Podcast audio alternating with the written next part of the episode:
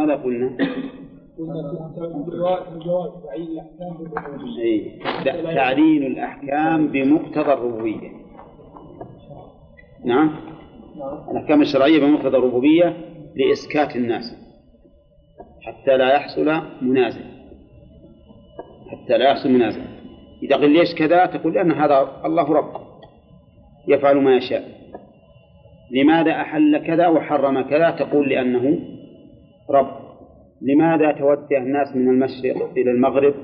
من المغرب إلى المشرق من بيت المقدس إلى الكعبة؟ لأن ذلك بمقتضى ربوبية الله لله المشرق والمغرب. ومنها أن العدو من فوائد الآية أن العدو يحتج على عدوه بما يثير نعرته.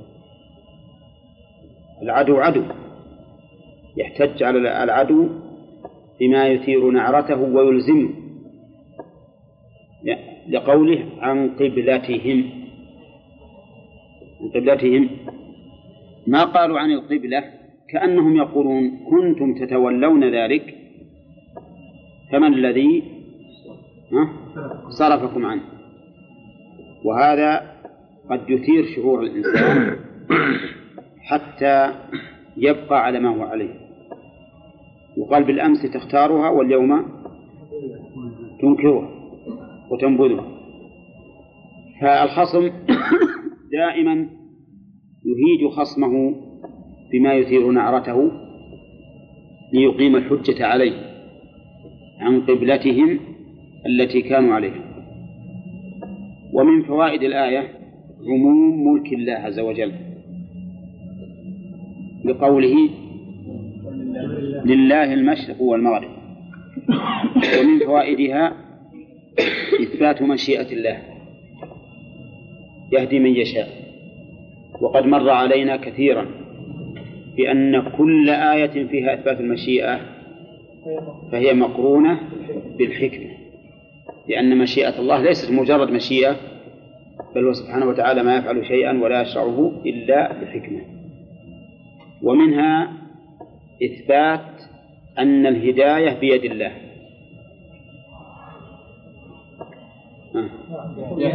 يهدي من يشاء. ومنها صحة احتجاج الجبرية على القول بالجبر. ها؟ ها؟ طيب. الآية أمامه. يهدي من يشاء إلى صراط مستقيم. ما تفرض هذه الآية آه. نعم. نقول الجبرية وإن احتجوا بمثل هذه الآية فلا حجة لهم. لأن الاحتجاج ببعض القرآن دون بعض كفر به. قال الله تعالى أفتؤمنون ببعض الكتاب وتكفرون ببعض القرآن من متكلم واحد. أليس كذلك؟ فمطلقه في موضع يقيد في موضع آخر ومجمله يبين في موضع آخر بل إن الرسول صلى الله عليه وسلم يقيد القرآن ويبينه ويخصصه واضح؟ فإذا لا دليل فيه إلا من نظر بعين أعور الأعور ينظر من جانب العين الصحيحة لكن من جانب العين العوراء ما يرى. ما يرى. والواجب أن الإنسان ينظر إلى النصوص بعينين ثاقبتين. مو بعين واحدة؟ طيب ومن فوائد الآية بيان أن إذا بطلان هذا هذه الفائدة باطلة. ها؟ الاحتجاج بالآية على صحة مذهب الجبرية هذا باطل. تمام؟ طيب ومن فوائد الآية الثناء على هذه الأمة. بأنها التي على صراط مستقيم. لأن أول من يدخل في قوله هدي من يشاء إلى صراط مستقيم هؤلاء الأمة الذين تولوا عن بيت المقدس إلى الكعبة. نعم. ليس دليل الصراط أنه هو المستقيم؟ وزيادة قول المستقيم. نعم. هذه تذكر في في التفسير. طيب إذا من فوائدها فضيلة هذه الأمة بأنها المهدية إلى صراط مستقيم.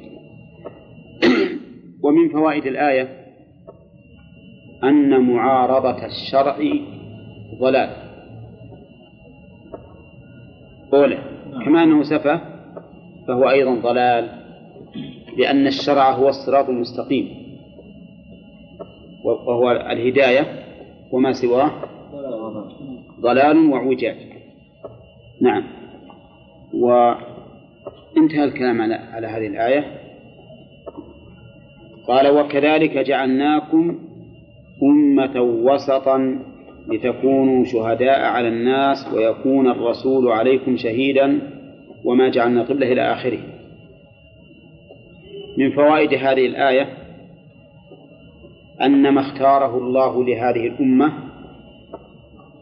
من استقبال بيت بيته فهو من أجل كونها وسطا. من أجل كونها وسطا اختار الله لها أن أن تتولى إيش؟ المسجد الحرام. لقوله وكذلك أي ومثل ذلك الاختيار لكم اخترناكم فجعلناكم أمة وسطا. ومنها فضل هذه الأمة. على جميع الأمم. بقوله لا. وسطا. وسطا أي عدلا في ومنها عدالة هذه الأمة. عدالة هذه الأمة. بقوله لتكونوا شهداء على الناس والشهيد قوله مقبول. والمراد بالأمة هنا أمة الإجابة. ومن هنا نعرف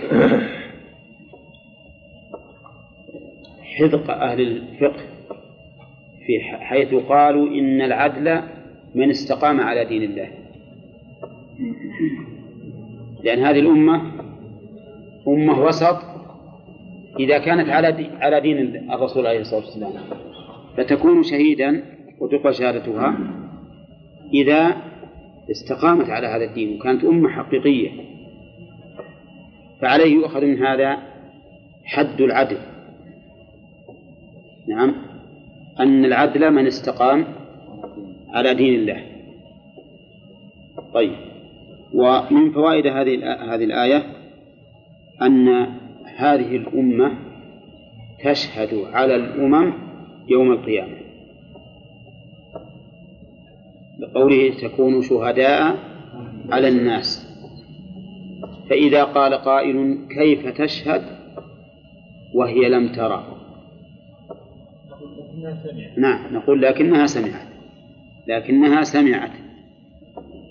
سمعت عمن خبره أصدق من المعاينة. أولا. نعم, نعم. طيب صلوات الله وسلامه عليه.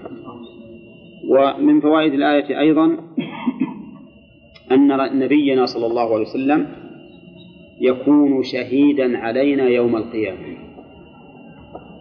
شهيدا علينا بالعدالة. شهيدا علينا بالعدالة. وقيل كما مر شهيدا علينا بأنه بلغ. نعم شهيدا علينا بأنه بلغ. وأيا كان فإنه من فضائل هذه ومنها إثبات رسالة النبي صلى الله عليه وسلم لقوله ويكون الرسول شهيدا عليكم. ومنها أنه لا رسول بعده. من أين تؤخذ؟ لأن ال هنا للعهد وهو يخاطب هذه الأمة. فالرسول المعهود فيها واحد. من هو؟ ويلزم من ذلك ألا يكون بعده رسول. ألا يكون بعده رسول. ومن فوائد الآية أن الله تعالى قد يمتحن العباد بالأحكام الشرعية. إيجابا أو تحريما أو نسخا. نعم وما جعلنا القبلة التي كنت عليها إلا لنعلم من يتبع الرسول ممن ينقلب على عقبيه. فانتبه. انتبه لهذا أن الله قد يبتليك. قد يبتليك بالمال يعطيك مال ليبلوك. هل تقوم بواجبه ولا لا؟ وهذه محنة. لأن غالب من يبتلي بالمال طغى وشح. طغى من وجه وشح من وجه آخر. نعم. ثم اعتدى في تمول المال فظل في تموله والتصرف فيه وتصريفه مفهوم يا جماعة؟ طيب احذر من أن الله قد ينعم عليك بالعلم والعلم عليه ضريبة وهي أول شيء تقوى الله وخشيته إنما يخشى الله من عباده العلماء. فإذا لم تخشى الله بعلمك فاعلم أنه حجة عليك. امتحان من الله عز وجل ما هي هين الأمر؟ كذلك امتحان آخر لأهل العلم أن لا يكتموه. نسأل الله السلامة وأن يعيننا على بذله وتعليمه. أن لا يكتموه. في أي مكان؟ حيث دعت الحاجة إلى بيانه. من السائل بلسان الحال أو بلسان المقال. السائل بلسان المقال يجي لمك واحد يسألك. والسائل بلسان الحال أن يكون الناس في حاجة إلى بيان حكم الله في هذه المسألة. فهو وإن لم يسأل بلسان المقال ويجي يقول وعلمني لكن حال الناس تستدعي أن يبين لهم الحق في هذا الأمر. مفهوم؟ هذه ضريبة أيضا يجب عليك أن تنتبه لها خشية الله بعلمك. ثانيا بيان. وإذ أخذ الله ميثاق الذين أوتوا الكتاب يا أنا ما أقدر أسمي الواحد باسمه لأن عندنا رواصيد نسجل نعم ثم يتلى هذا إلى ما شاء الله اسم الرجل. طيب. أقول أيضا الحذر.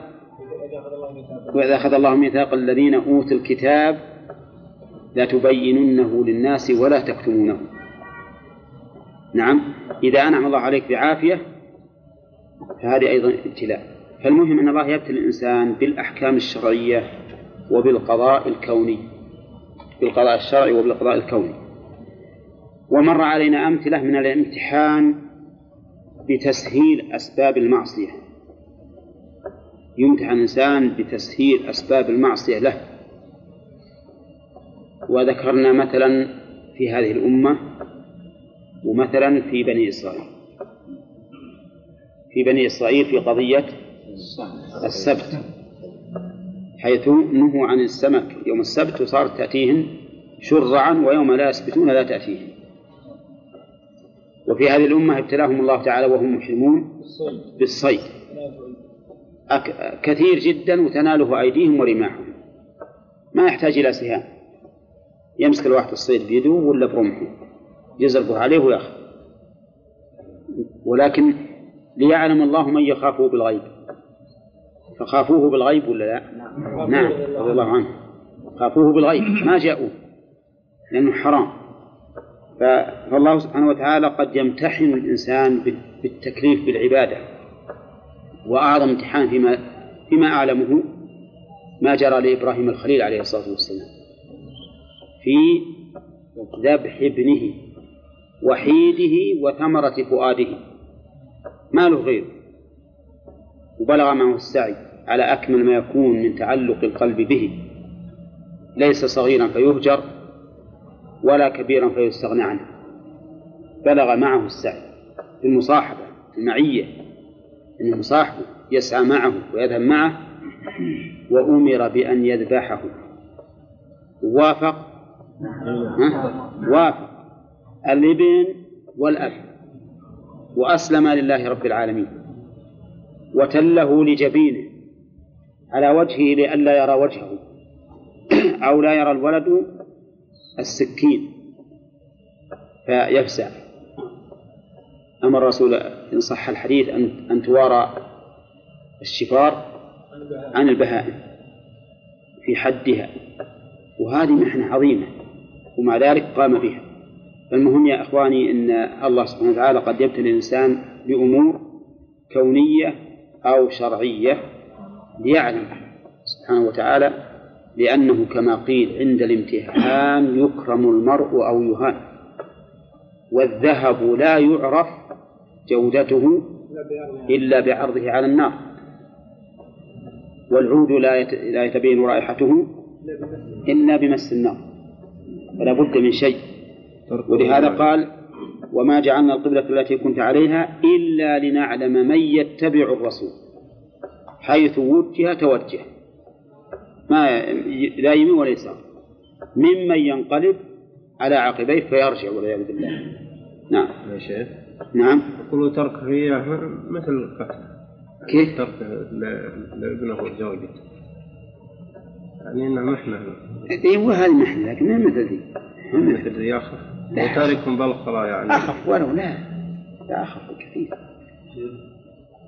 نعم. ها؟ يوسف مع لا لا ما هي أكبر من هذه. هي أكبر. لأن هذا صبر على طاعة الله. قضية إبراهيم صبر على الطاعة. وهذا صبر عن معصية. أكبر من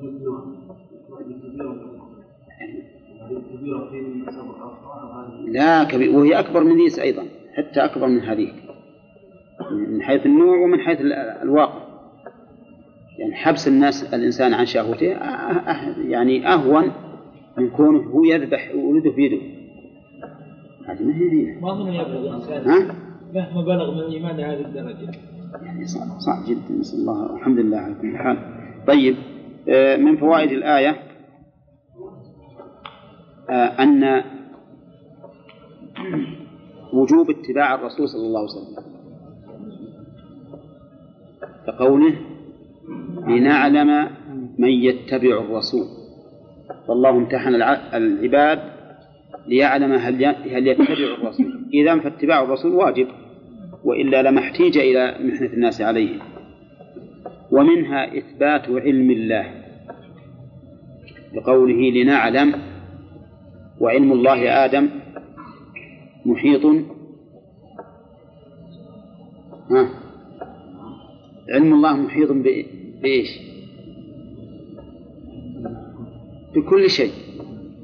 لتعلموا أن الله على كل شيء قدير وأن الله قد أحاط بكل شيء علما. وقد سبق لنا إشكال في هذه الآية والجواب عليه. نعم. ومنها أن الردة عن الإسلام انقلاب. بقوله ممن ينقلب على عقبيه فإنها انقلاب إلى الوراء. ومنها أن التقدم حقيقة في الإسلام. وأن الرجعيين حقيقة هم المخالفون للإسلام أليس كذلك؟ أي نعم. إحنا ما نقول هذا من عند أنفسنا أو أو انتصارا لأنفسنا. نقول من كلام الله. ممن ينقلب على عقبيه. فأي واحد يقول للناس المتمسكين بكتاب الله وسنة رسوله هؤلاء رجعيون؟ نقول بل أنت الرجعي. لأن الله سمى مخالفة الرسول صلى الله عليه وسلم انقلابا على العقل. ولا أبلغ من هذا الرجوع. إن الإنسان يرجع على عقبيه بعد ما ين... رجوع أعمى والعياذ بالله. ما يدري وش اللي وراه. نعم. ومن فوائد الآية أن تغيير القبلة شاق. شاق إلا على طائفة معينة من الناس. وإن كانت لكبيرة إلا على الذين هدى الله. وهذا كما مر علينا في التفسير يقع كثيرا للإنسان تشق عليه بعض الأوامر الشرعية واجتناب بعض النواهي الشرعية تشق عليه. لكن بتمام الإيمان تزول هذه المشقة وتكون سهلة. والعلماء اختلفوا أيما أفضل. رجل يفعل العبادة بمشقة ويترك المعصية بمشقة وآخر يفعل العبادة بسهولة ويترك المعصية بسهولة أيهما أفضل؟ قال بعض العلماء الأول أفضل لأنه مجاهد يجاهد نفسه يتعب وقال الآخر آخرون بل الثاني أفضل لأن العبادة كأنها امتزجت بدمه ولحمه حتى صارت سجية له لا ينبسط إلا بها نعم فما ترون أنتم يفرق بين الطاعة والمعصية في الطاعة تحصل فعلا لكن في المعصية تركها مع المشقة أجر الأنبياء يفعلونها بسهولة إيه هي الماء الأول صح لكن المعصية الثاني أفضل. يفرق والأول له المشقة نعم. الصحيح أن يقال أما الذي يفعلها بسهولة ويسر وانقياد فهذا أكمل حالا بلا شك. حاله أكمل من الأول. أليس كذلك؟ لأن مطمئن و... ويفرح. والثاني حاله أدنى. حاله أدنى. ولكنه يؤجر على مجاهدة نفسه على الطاعة وعلى ترك المعصية. يؤجر. لكن الأول فرق أفضل. حاله على الأول أكمل بكثير. لأنه يعمل بنور. بنور وإيمان ويقين وثبات. نعم. على أن هذا الثاني اللي إحنا قلنا أنه مفضول وله أجر مشقة ربما يمن الله عز وجل عليه وهو أكرم الأكرمين حتى تكون العادة في نفسه العبادة في نفسه سهلة ويفعلها بارتياح. وهذا هو معنى قول بعض أهل العلم طلبنا العلم لغير الله فأبى أن يكون إلا لله فأبى أن يكون إلا لله. فالإنسان قد يفعل العبادة في الأول بمشقة ويكون عنده نوع من يعني التعب في تنفيذها لكن إذا علم الله من نيته صدق القصد صدق القصد والطلب يسر الله له الطاعة حتى كانت سجية له. نعم. هذا يدل على أن هذا أكمل حال أكمل حال. نعم قال ومن فوائد الآية إظهار المنة إظهار منة الله عز وجل على من هداه الله. نعم. منين ناخذ؟ نسب الهداية إليه لكبيرة إلا على الذين هدى الله أتى بالذين أيضا الاسم الموصول الصريح دون من؟ الذين هدى الله. نعم وله المنة على علينا والحمد لله نسأل الله الثبات. بالهداية. الإنسان يرى أعظم منة من الله بها عليه أن هداه للإسلام. لا شك أنها أعظم والله من الأكل والشرب والنكاح والمسكن وكل شيء. لأنها حياة الدنيا والآخرة. وملاذ الدنيا هي حياة الدنيا فقط تزول. فأعظم منة من الله بها على الإنسان أن هداه الله. وهذه يجب أن الإنسان يشعر بها. لا يمن. لا يمن بدينه على ربه. بل يعتقد أن المنة لله عليه أن هداه حتى يزداد محبة لله عز وجل. كل ما فعل عبادة أحب الله عز وجل لتقربه به بها إليه ولأنه هو الذي هداه إليها وكم من أناس ضلوا؟ أليس كذلك؟ وإن تطع أكثر من في الأرض ها؟ يضلوك عن سبيل الله. أكثر من في الأرض. كلهم ضالين. فإذا يجب على الإنسان أن يشعر بهذا الشعور يا أخوان. تشعر بأن الله لما هداك للإيمان إن هذه أعظم منة من بها عليك وإنها لكبيرة وإن كانت لكبيرة إلا على الذين هدى الله. ولهذا قال الله للرسول صلى الله عليه وسلم في شأن الأعراب يمنون عليك أن أسلموا؟ الجواب قل لا تمنوا علي إسلامكم؟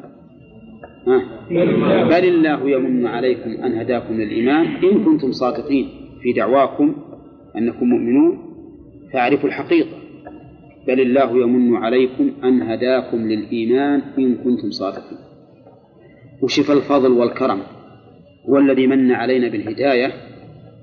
ثم يقول في سورة الرحمن هل جزاء الإحسان؟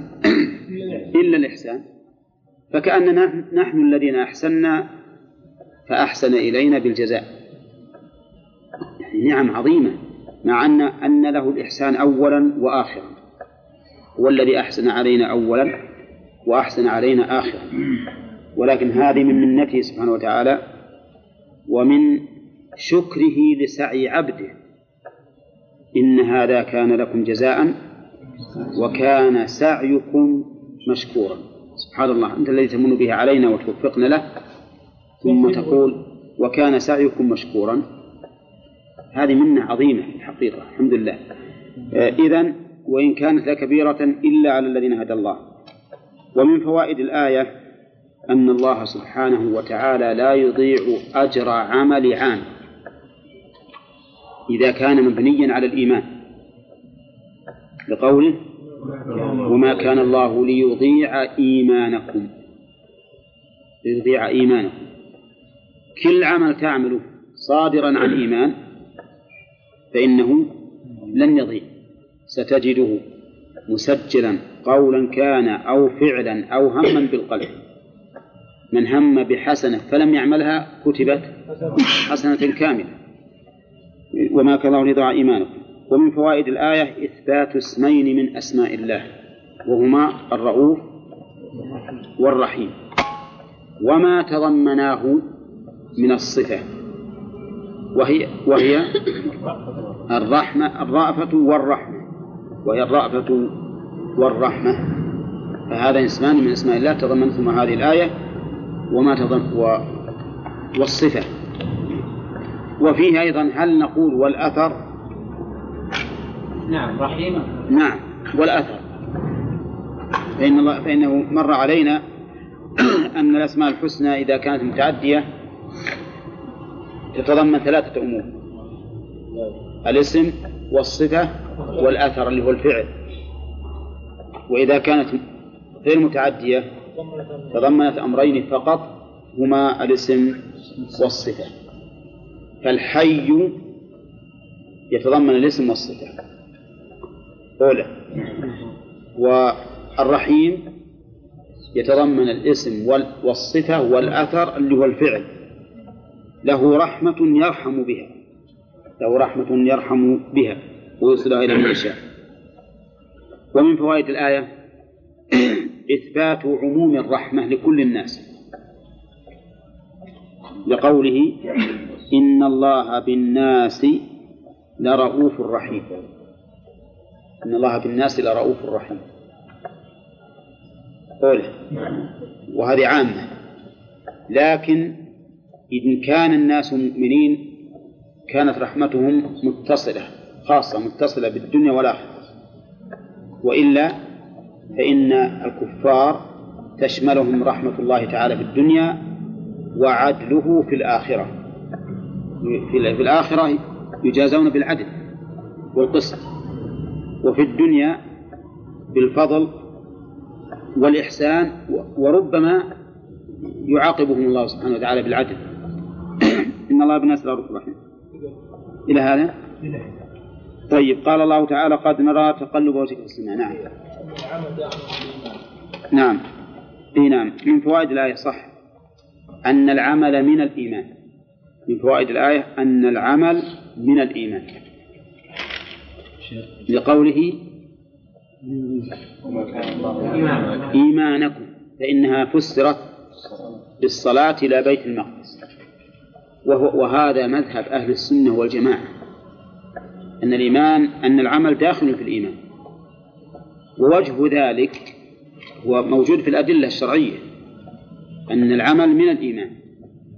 الإيمان بضع وسبعون شعبة أعلاها قول لا إله إلا الله وأدناها إماطة الأذى عن الطريق والحياء شعبة من الإيمان. هذا كلام رسول الله صلى الله عليه وسلم. فالعمل لا شك من الإيمان لكن وجه ذلك أنه صادر عن إيمان. صادر عن الإيمان فالإيمان هو الذي أوجبه. ولهذا لا يعد عمل المنافق من الإيمان. السبب؟ عمل المنافق صلاته وذكر لله ونفقاته ما تعد من الإيمان؟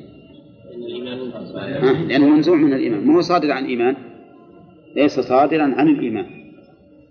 شيخ أهل السنة والجماعة يثبتون أن العمل من الإيمان. يوافقهم على ذلك المعتزلة والخوارج. يقولون العمل من الإيمان ويخالفهم بذلك المرجئة. يقولون العمل ليس من الإيمان. فهمتم؟ طيب. لكن أهل السنة والجماعة يفارقون المعتزلة والخوارج في أن المعتزلة والخوارج يقولون إن العمل من الإيمان لكنه إذا فقد فقد الإيمان. ففاعل الكبيرة عندهم خارج من الإيمان. لكن المعتزلة يقولون إنه في منزلة بين منزلتين والخوارج يقولون إنه كافر.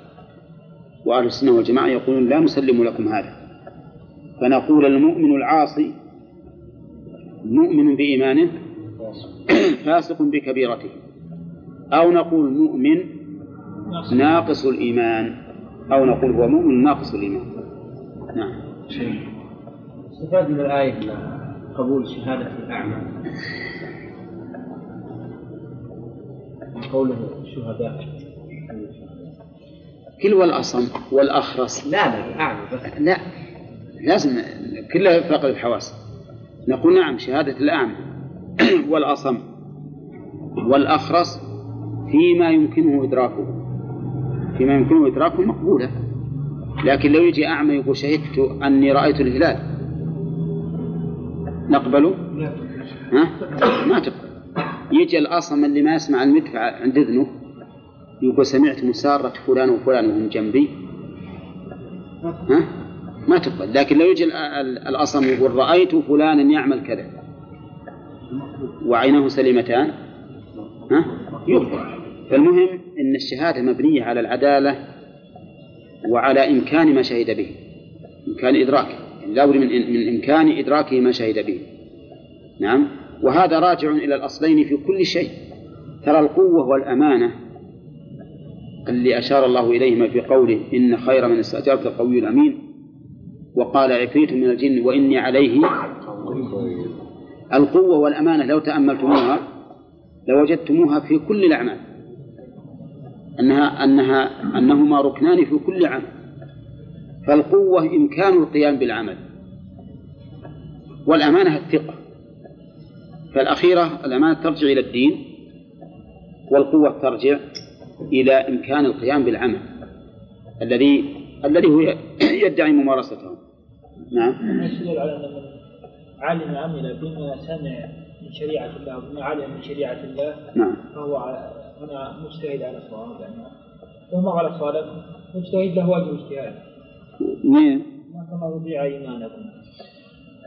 من الصحابة الذين لا لأنهم ذولاك في, وقت عملهم عاملون بالحق بالحق ما نسخ ما نسي أي ما طيب قوله التي كانوا عليها ما يدل لنا اللفظ ما يدل عليه السياق؟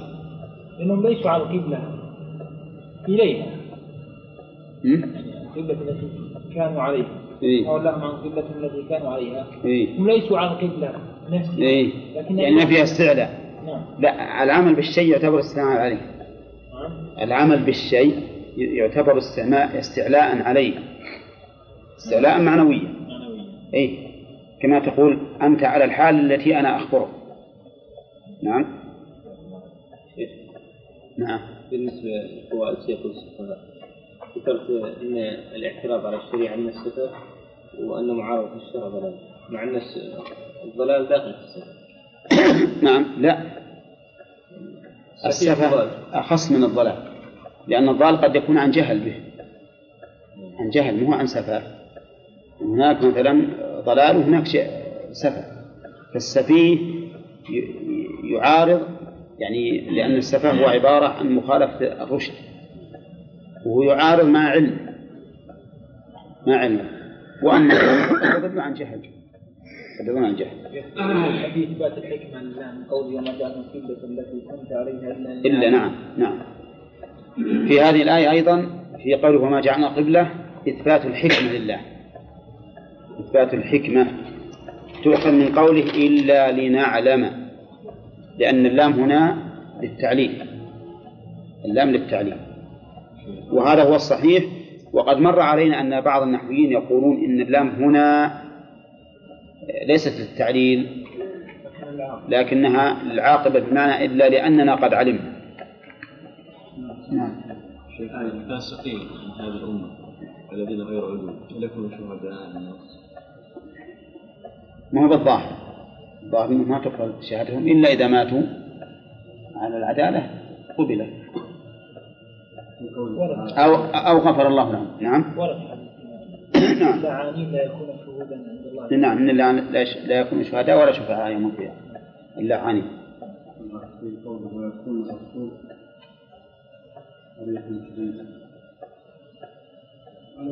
بمعنى يكون ذكرنا فيها رأيان.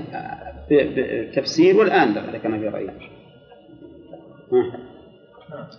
كنته شهي- شهيد عليكم بتوثيق. فتكون لكم. وذكرنا شهيدا عليكم بإبلاغكم أنه أبلغكم. فيكون شاهدا لنفسه على غيره. لا لا الثاني لا. الثاني الأولى بمعنى لكم. المعنى الأول بمعنى لكم. قد نرى تقلب وجهك في السماء. شرحنا فلنولين فلنولين نعم. فلنولينك قبلة ترضاها الفاء ذكرنا أنها للتفريق واللام في قوله لنولينك موطئة للقسم. فالجملة إذا مؤكدة بثلاث بثلاثة مؤكدات. وهي القسم المقدر واللام والنون فلنولينك وأتى بها بصيغة التعظيم لنولينك لأنه سبحانه وتعالى عظيم. فالنون هنا للعظمة وقوله لن... فلنولينك المعنى فلنجعلنك تتولى قبلة. فلنجعلنك تتولى قبلة. وعلى هذا فتكون الكاف مفعولا أول وقبلة مفعول مفعولا ثانيا. وقيل إن المعنى فلنولينك فلنحولنك.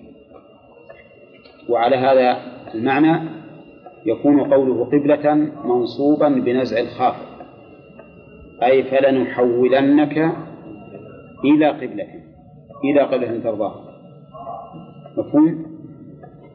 وقول قبلة معنى القبلة الشيء الذي يستقبل ويوليه الإنسان وجهه وقول قبلة. نكرت للتعظيم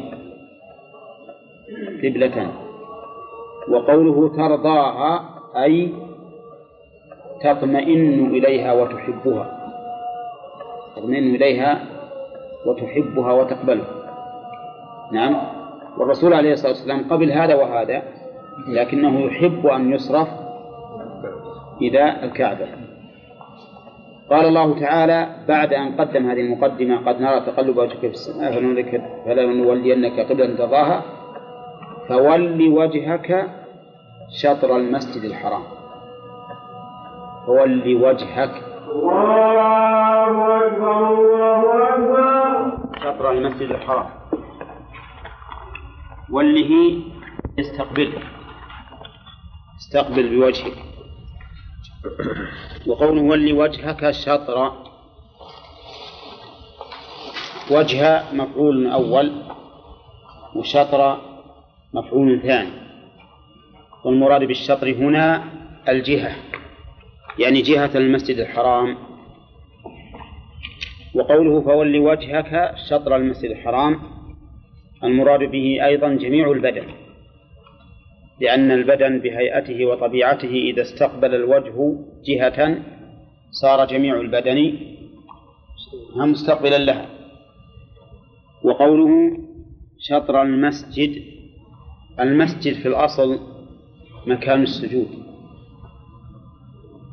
وقيل إن المسجد إن المسجد مكان السجود مسجد بالفتح والمسجد المكان المعد للسجود.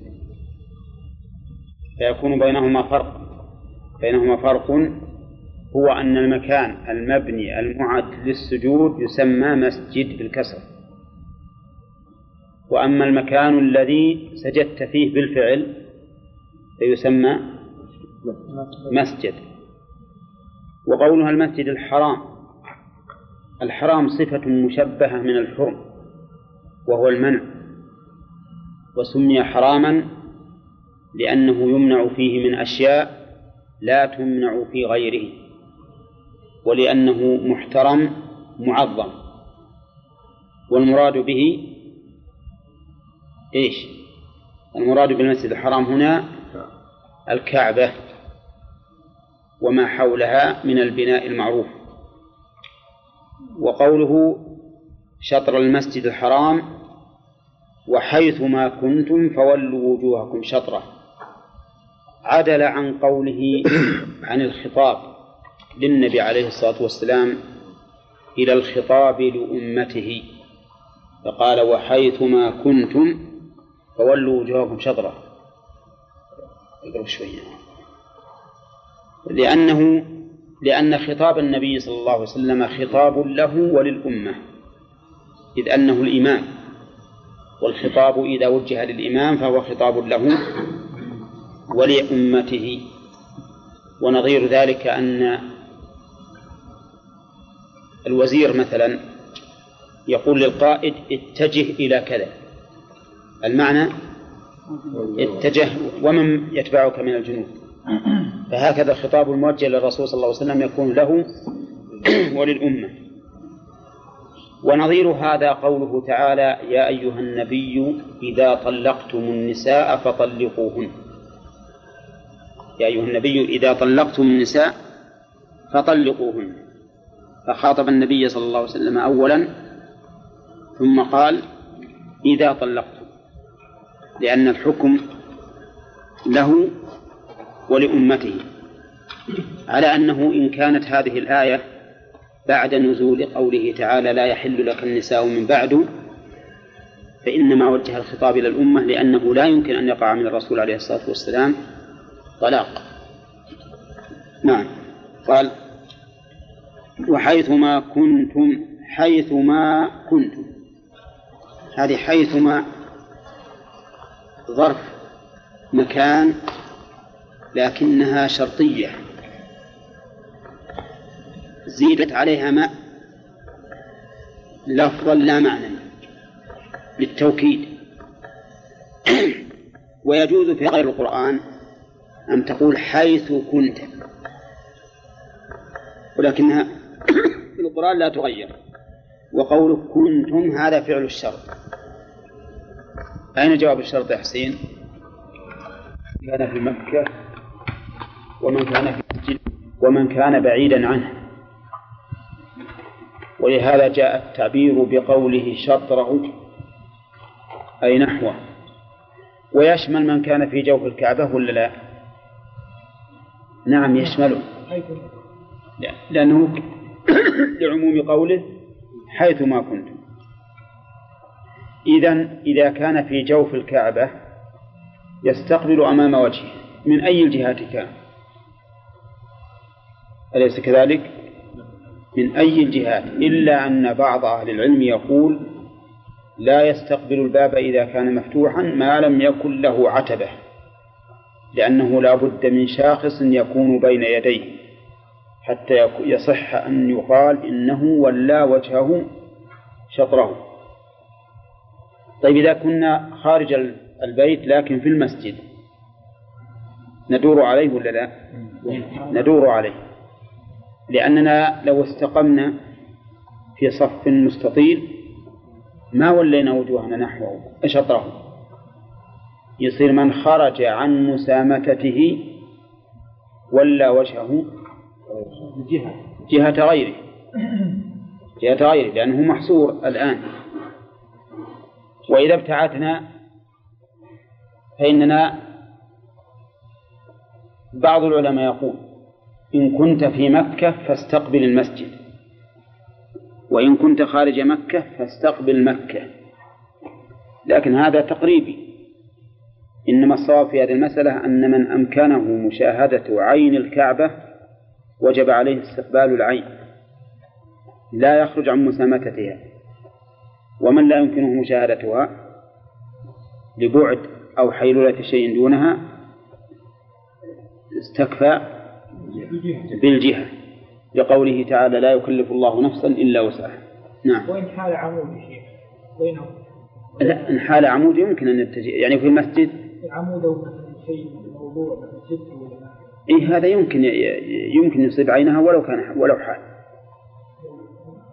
ما هو المقصود إن النظر؟ مقصود بس المقصود إيه نعم. المقصود أن يكون أنك أنت محاذ له أن تكون محاذيا له على هذا القول يعني ما يجوز أن يصلى فوق ظهر على هذا القول؟ ع- نعم على القول بأنه لابد من شخص لابد أن ما يصلي فوق سطحها لكن سطحها فيه جدار. السطح فيه جدار فيه جدار يصل إلى إلى إلى فوق الركبة نعم لا ما هو شرط أبدا. ولذا قلت لك عتبة الباب تجزي. عند الذين يقول لابد من شاخص يقول عتبة الباب تجزي؟ لا بس يقول المهم أنه يكون شاخص بين يديه يعني يكون شيء مرتفع يكون بين يديه. وقوله حيث ما كنتم فولوا وجوهكم شطرة يشمل من كان في الطائرة.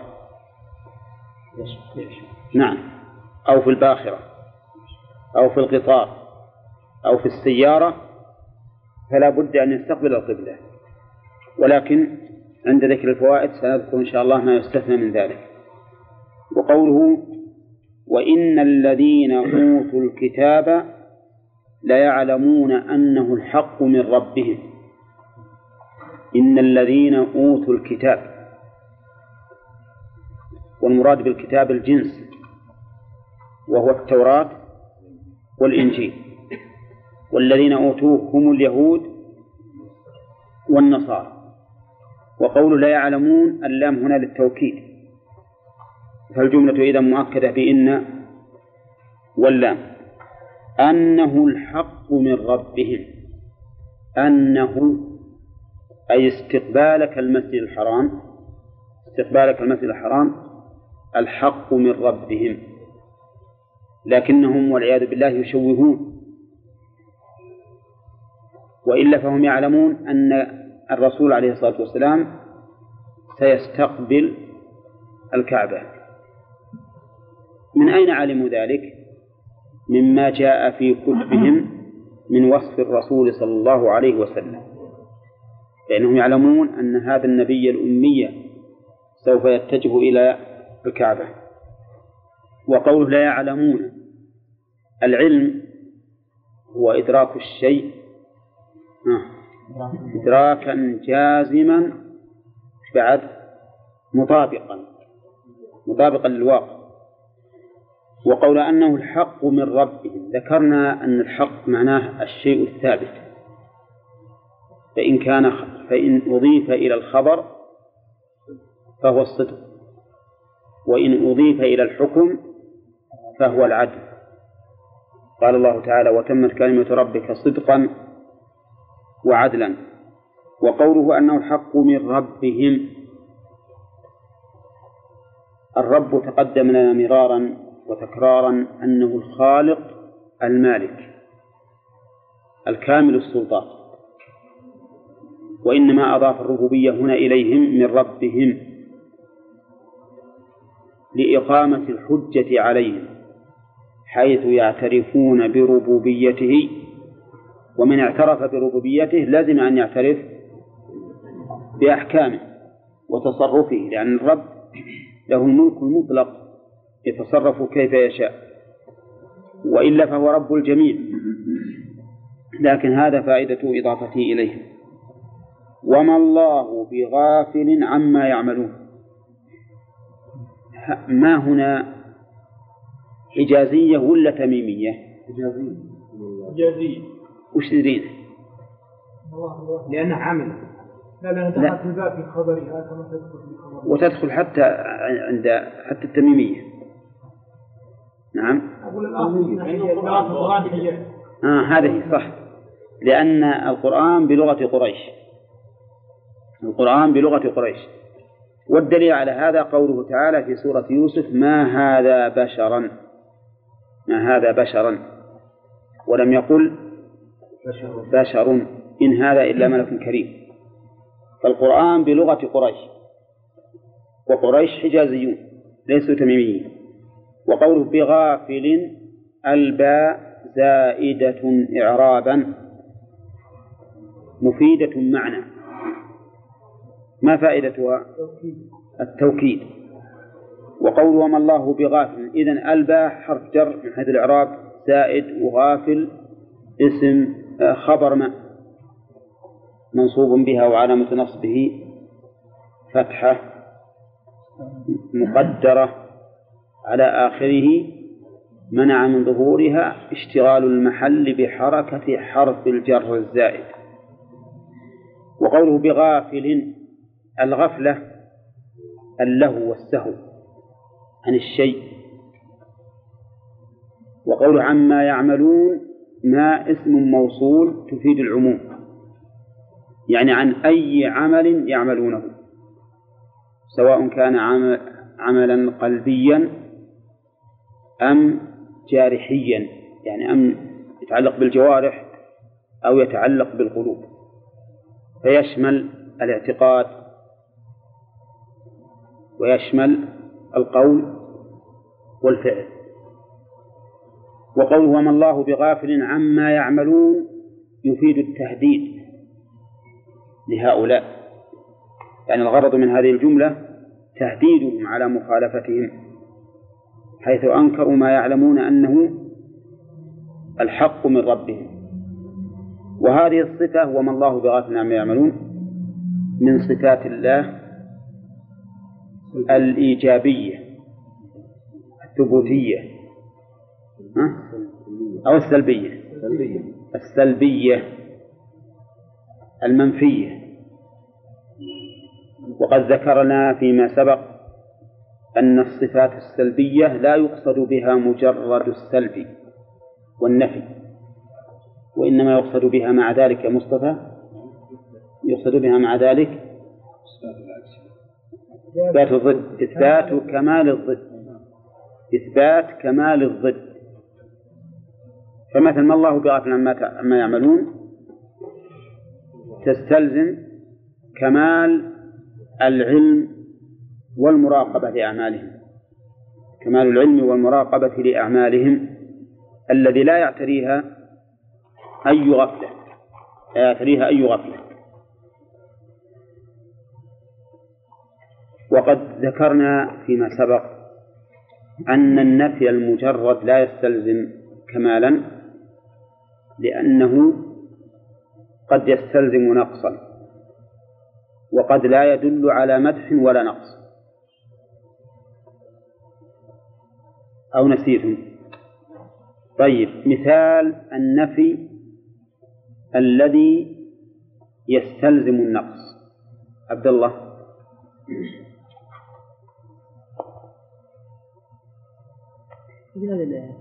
لا. هذا لا تستلزم الكمال. ما يمكن يكون نفي لله يستلزم نقص أبدا.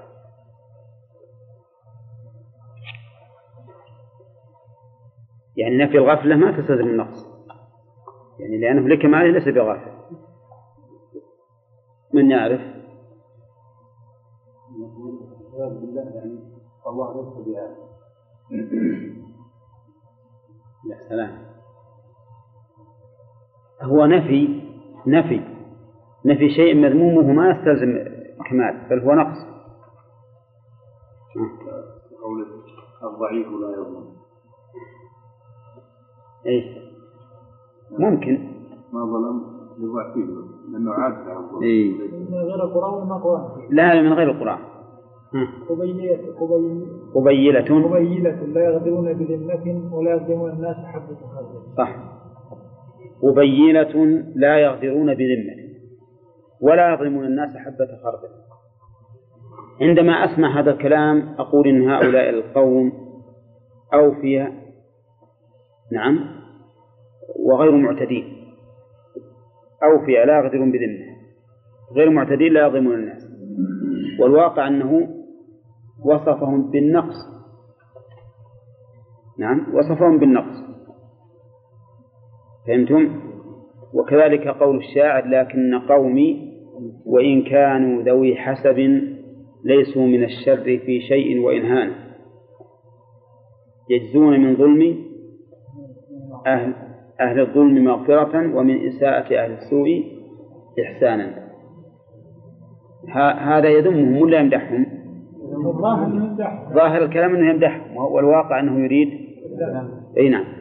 أما الذي لا يستلزم نقصا ولا مدحا ولا مدحا فمثل لو قلت جدارنا لا يظلم أحدا. الجدار لا يظلم أحد لأنه غير قابل للظلم. فنفي الظلم عنه ليس مدحا. لكن بالنسبة لله عز وجل الأمر بالعكس. كل صفة منفية عنه فإنها تستلزم كمال ضدها من المدح. قال الله تعالى ولئن أتيت الذين أوتوا الكتاب بكل آية ما تبعوا قبلتك. في لئن أمران متنازعان. قسم وشرط. قسم مدلول عليه باللام. لأن اللام واقعة في جواب القسم المقدر. أي والله لئن والثاني المنازع للقسم إن الشرطية. وكل من الجواب من من القسم والشرط يحتاج إلى جواب. أولى طيب. أين الجواب في قوله ولئن أتيت الذين أوتوا الكتاب؟ قوله ما تبعوا قبلتك ما تبعوا قبلتك هذا الجواب هل هو جواب للشرط أو جواب للقسم؟ ها؟ جواب للشرط؟ القسم قبل الشرط الجواب ما أخر. أي لا هذا جواب للقسم. واحذف لدى اجتماع يقول ابن مالك واحذف لدى اجتماع شرط وقسم جواب ما أخرت فهو ملتزم. جواب ما أخرت فهو ملتزم. والمؤخر الآن هو الشرط. وعلى هذا فيكون قوله ما تبعوا جوابا للقسم لا محل له من الإعراب. لأن جملة جواب القسم ليس لها محل من الإعراب. نعم. وجواب الشرط محذوف. دل عليه جواب القسم. وقوله ولئن أتيت إن وشي وشي شرطية. وأتيت بمعنى جئت. ولئن أتيت الذين أوتوا الكتاب يعني اليهود والنصارى بكل آية ألبى للمصاحبة يعني مصطحبا لكل آية. آية أي علامة على صدق ما أتيت به إليه. لئن أتيتهم بكل آية تدل على صدق ما أتيت به؟ نعم. ما تبعوا قبلتك. أي أي شيء قبلته؟ الكعبة. الكعبة يعني لم لا يتبعون هذه القبلة ولا يتولونها. لو تأتيهم بكل آية. وذلك لأنهم لا يريدون الحق وإنما هم معاندون. لأن الذي يعلم الحق ولا يتبعه معاند ما في فائدة. تأتي بكل آية ما ما ما يقبل. وقوله بكل آية ما تبعوا قبلتك قد نقول إنهم كما لا يتبعون قبلته لا يتبعون دينه أيضا. أولى نعم لا يتبعون دينه لأنه من لازم اتباع الدين أن يتبعوا القبلة. وقوله ما تبعوا قبلتك قد يقول قائل إن هذه القبلة من خصائص هذه الأمة لأنه أضافها إليه. فقال ما تبعوا قبلتك. ولكن الظاهر والله أعلم أن المسجد الحرام قبلة لكل الأنبياء. لقوله تعالى إن أول بيت وضع للناس إلى الذي ببكة مباركا وهكذا قال شيخ الإسلام إن المسجد الحرام قبلة لكل الأنبياء. لكن أتباعهم من اليهود والنصارى هم الذين بدلوا هذه القبلة. قال وما أنت بتابع قبلتهم. الواو هنا عطف واو العطف ولا واو الاستئناف؟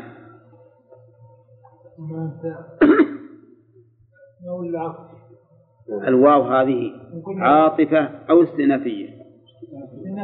هذه استئنافية. لأننا لو جعلناها عاطفة على قوله ما تبع قبلتك لصار المعنى وما أنت بتابع قبلتهم في حال إتيانك بالآيات التي تدل على صدق ما ما جئت به. ومعلوم أن الرسول عليه الصلاة والسلام لا يمكن أن يتبع قبلتهم مطلقا. وهذا هو السر في التعبير والله أعلم بالجملة الإسمية في قوله وما أنت بتابع.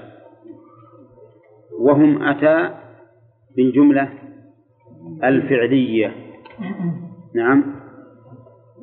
في قولهم في قوله ما تبعوا قبلته.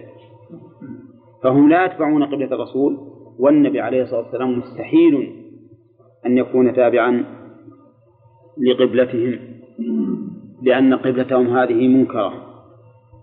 لم يأتي بها الشرع ثم لو فرض أن الأديان التي هم عليها قد جاءت بهذه القبلة فإنها نسخت بقبلة الإسلام. وقوله ما أنت بتابع قبلتهم. وش اللي ناصب قبلتهم؟ شيء.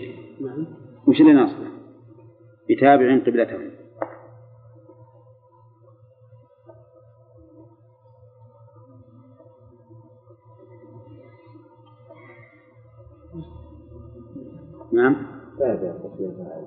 اي نعم منصوبة اسم الفاعل. طيب لو في غير القرآن لو أضيف بتابع قبلتهم صح وكانت الإضافة لفظية نعم. وما أنت بتابع قبلتهم وما بعضهم بتابع قبلة بعض. ما بعضهم أي الذين أوتوا الكتاب بتابع قبلة بعض. فاليهود ما تتبع قبلة النصارى والنصارى ما تتبع قبلة اليهود. لأن النصارى يقولون إن اليهود كفار واليهود يقولون إن إن النصارى كفار ليسوا على حق. ولهذا يكذبون عيسى صلى الله عليه وسلم ويقولون إنه والعياذ بالله ولد زنا. وفعلا حاولوا قتله وشبه لهم فقتلوا الشبيه. وصاروا يقولون إننا قتلنا المسيح عيسى ابن مريم يفتخرون بذلك. نعم قتلهم الله. هؤلاء بعضهم لبعض عدو. لكنهم مع ذلك بالنسبة للمسلمين بعضهم لبعض ولي. يا أيها الذين آمنوا لا تتخذوا اليهود والنصارى بعضهم أولياء بعض. أولياء بعضهم أولياء بعض. ومن يتولهم منكم فإنه منهم. فبعضهم يتولى بعضا على المسلمين لكن بالنسبة لإقرار بعضهم على دين بعض نعم لا يقرون. هؤلاء لا يقرون اليهود وهؤلاء لا يقرون النصارى. ولهذا سبق لنا أن اليهود قالت ليست النصارى على شيء وقالت النصارى ليست اليهود على شيء. وما بعضهم بتابع قبلة بعض ولئن اتبعت أهواءهم من بعد ما جاءك من العلم إنك إذا لمن الظالمين. نعم. ها؟ هل كل من اليهود والنصارى قبلة؟ لا لا. اي نعم إيه نعم. طيب هذه يحتاج تنبيه عليه وما بعضهم بتابع قبلة بعض. قبلة اليهود إلى بيت المقدس إلى الصخرة وقبلة النصارى إلى المشرق. قبلة النصارى إلى المشرق. يتجهون نحو الشمس. فاليهود يقولون للنصارى أنتم ضالون والنصارى يقولون اليهود أنتم ضالون ولا يتبع بعضهم ولا يتبع بعضهم بعضا في القبلة. ولئن اتبعت أهواءهم من بعد ما جاءك من العلم إنك إذا لمن الظالمين. قوله ولئن اتبعت نقول فيها مثل ما قلنا في ولئن أتيت. ففيها قسم وشرط. والجواب للقسم ولا للشرط؟ للقسم. وهو قوله إنك إذا ولهذا لم تقترن بالفاء. ولو كانت جوابا للشرط لوجب اقترانها بالفاء لأنها جملة اسمية. ولئن اتبعت الخطاب لمن؟ للنبي صلى الله عليه وسلم. وإن الشرطية لا تقتضي أو لا تستلزم وجود شرطها. لا تستلزم وجود الشرط. إن الشرطية لا تستلزم وجود الشرط.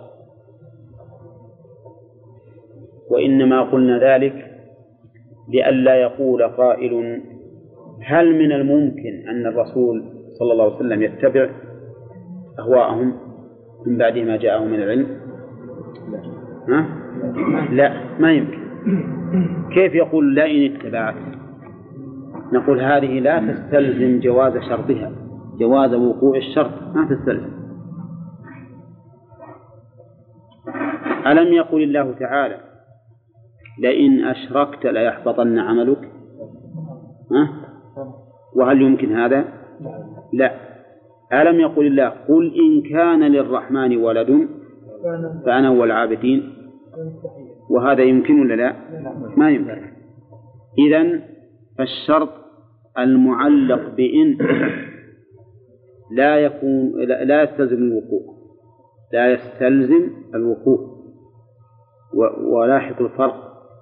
نحن نقول لسنا نقول لا يمكن وقوعه. نقول لا يستلزم الوقوع.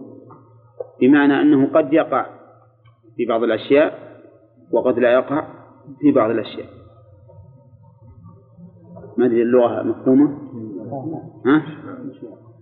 أقول فرق بين لا يستلزم الوقوع وبين لا يقتضي الوقوع. أولى إذا قلنا لا يقتضي الوقوع هذا ليس بصحيح. فإن المعلق بإن قد يقع. وإذا قلنا لا يستلزم فالمعنى ليس بلازم الوقوع ليس بلازم. قد قد يعلق بإن وهو غير ممكن. وهو غير ممكن. وقوله ولئن اتبعت أهواءهم جمع هوى. والأصل في الهوى الهوى بمعنى الميل. ومنه يقال للنجم هوى إذا مال وسقط ويطلق الهوى في الغالب على الميل عن الحق. على الميل عن الحق ويقابله الهدى فيقال اتبع الهوى بعد الهدى فهمتم؟ وهل يطلق الهوى على الهدى؟ نعم إن صح الحديث وهو قول الرسول عليه الصلاة والسلام لا يؤمن أحدكم حتى يكون هواه تبعا لما جئت به. فهو دليل على أن الهوى يكون في الخير كما يكون في الشر. ولكن مع ذلك فالغالب أن الهوى يكون في الشر. من بعد ما جاءك من العلم متعلق بالتبعت نعم. أقول إن صح. إيه إذا ما صح ما ما عاد يكون فيه شاهد على أن الهوى يأتي بمعنى الهدى نعم من باب اللغة. كيف؟ الحديث من باب اللغة بغض النظر عن لا بس إنما لو ما صح فإنه لا يصح أن نقول أن الهوى يكون في الشيء المحمود لأن كل ما في القرآن والسنة من ذكر الهوى فإنها في الأشياء المذمومة هذا الحديث وإن ربما قدح بعضهم في سنده نعم. وبعضهم حسن لكن شاهد من القرآن فلا ربك لا يؤمنون حتى يحكموك في مثل إيه هو معناه صحيح. المعنى ما في شك صحيح. لكن اللفظ طيب قوله من بعد ما جاءك من العلم. من بعد ما جاءك من العلم. هذا متعلق باتباعك. يعني إذا وقع هذا الاتباع بعد العلم. فإنه يكون الظلم. وقوله من بعد ما جاءك وردت في القرآن على ثلاثة أوجه. هذا أحدها. والثاني بعد. بعد ما جاءك من العلم. والثالث بعد الذي جاءك من العلم. كذا؟ أما بعد ما جاءك من العلم وبعد الذي فلا فرق بينهما إلا أنه عبر بما عن الذي. وأما من بعد ما جاءك فيه أبلغ من قوله بعد الذي جاءك. أشد. لأن من تدل على أنه جاءه العلم وتمهل. وحصل هذا الأمر نعم بعد مجيء العلم. نظير ذلك أن دخول من يكون أبلغ قوله تعالى ومن بيننا وبينك حجاب أشد من قوله وبيننا وبينك حجاب لأن من تدل على مسافة قبل الحجاب ثم حجاب بخلاف وبيننا وبينك حجاب ما ما تدل على هذا وقول من بعد ما جاءك من العلم المراد بالعلم إيش؟ علم الشريعة الوحي الذي جاء به الرسول عليه الصلاة والسلام. إنك هذه جواب القسم. إنك إذا لمن الظالمين. إذا هي إذن اللي مرت علينا بالإضافة ولا غير؟ ها؟ إيه هي ظرف ما في شك. لكن حنا قلنا إنها إذن إذ وإذا نعم وإذا وأن هذه الأدوات الثلاث تنازعت الأزمنة. إذ للماضي وإذا للمستقبل وإذا للحاضر. يعني إنك إذا في حال اتباعك أهواءهم من بعد ما جاءك من العلم في هذه الحال لمن الظالمين. الله أكده بإن وإذا واللام واللام في قوله لمن الظالمين. وصدق الله عز وجل. أن ليتبع أهواء الضالين والمغضوب عليهم بعدما جاءه العلم الصحيح الشرعي فهو لا شك من الظالمين. وتأمل اللطف في الخطاب للرسول صلى الله عليه وسلم لم يقل إنك إذا ظالم. قال لمن الظالمين لمن الظالمين. وهذا لا شك أنه إيش؟ تلطف في الأسلوب.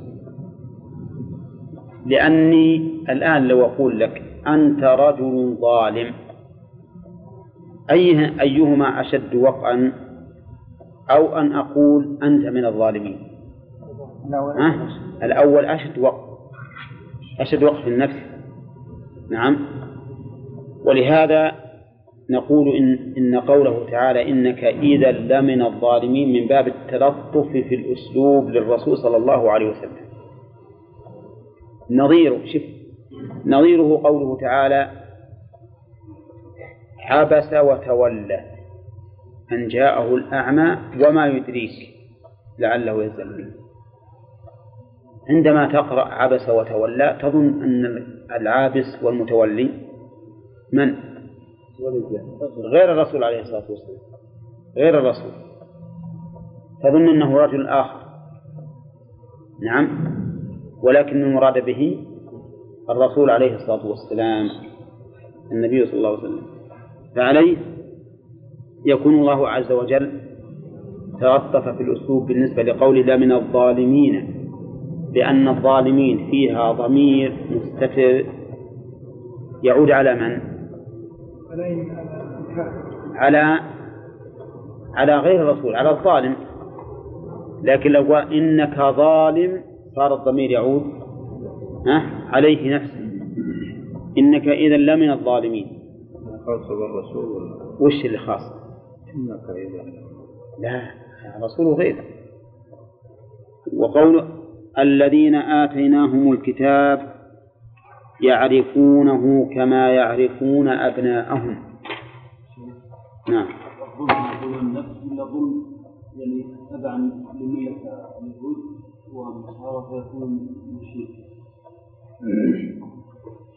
لا المراد المراد الظالمين الذين لم يعدلوا في تصرفهم لأن الظلم هو في الأصل النقص وهو عدم العدل. فقد يكون يصل إلى إلى درجة الكفر وقد لا يصل. حسب ما اتبع فيه. إن اتبعهم في أمر لا يخرج عن الملة لم يكن خارجا عن الملة. وإن اتبعهم في أمر يخرج صار خارجا. الذين آتيناهم الكتاب يعرفونه كما يعرفون أبناءهم. الذين مبتدأ فأين الخبر؟ ها؟ جملة يعرفونه. وقوله آتيناهم أعطيناهم. والإيتاء هنا شرعي؟ ولا كوني؟ نعم.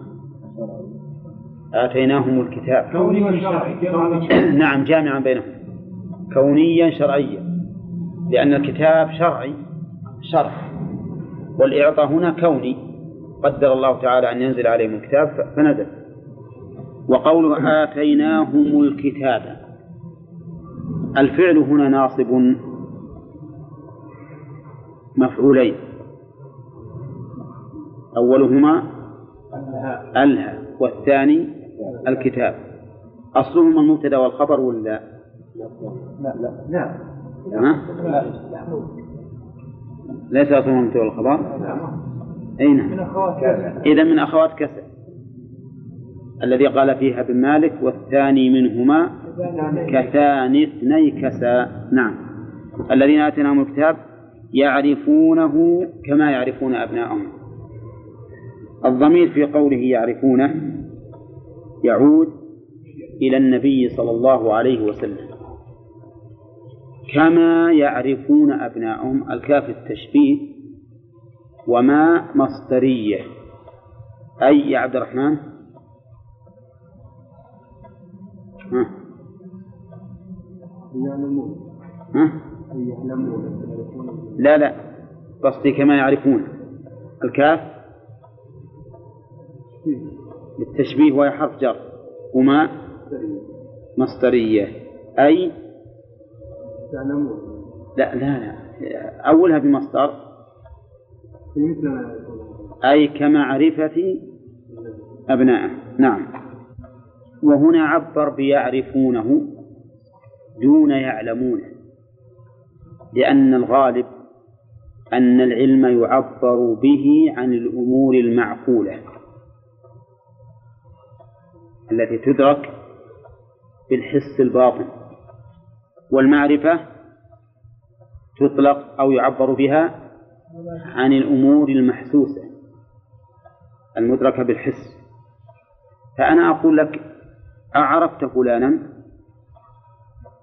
أو أقول لك أعلمت فلانا؟ ها؟ شو عرفت فلان. ما تقول علمته؟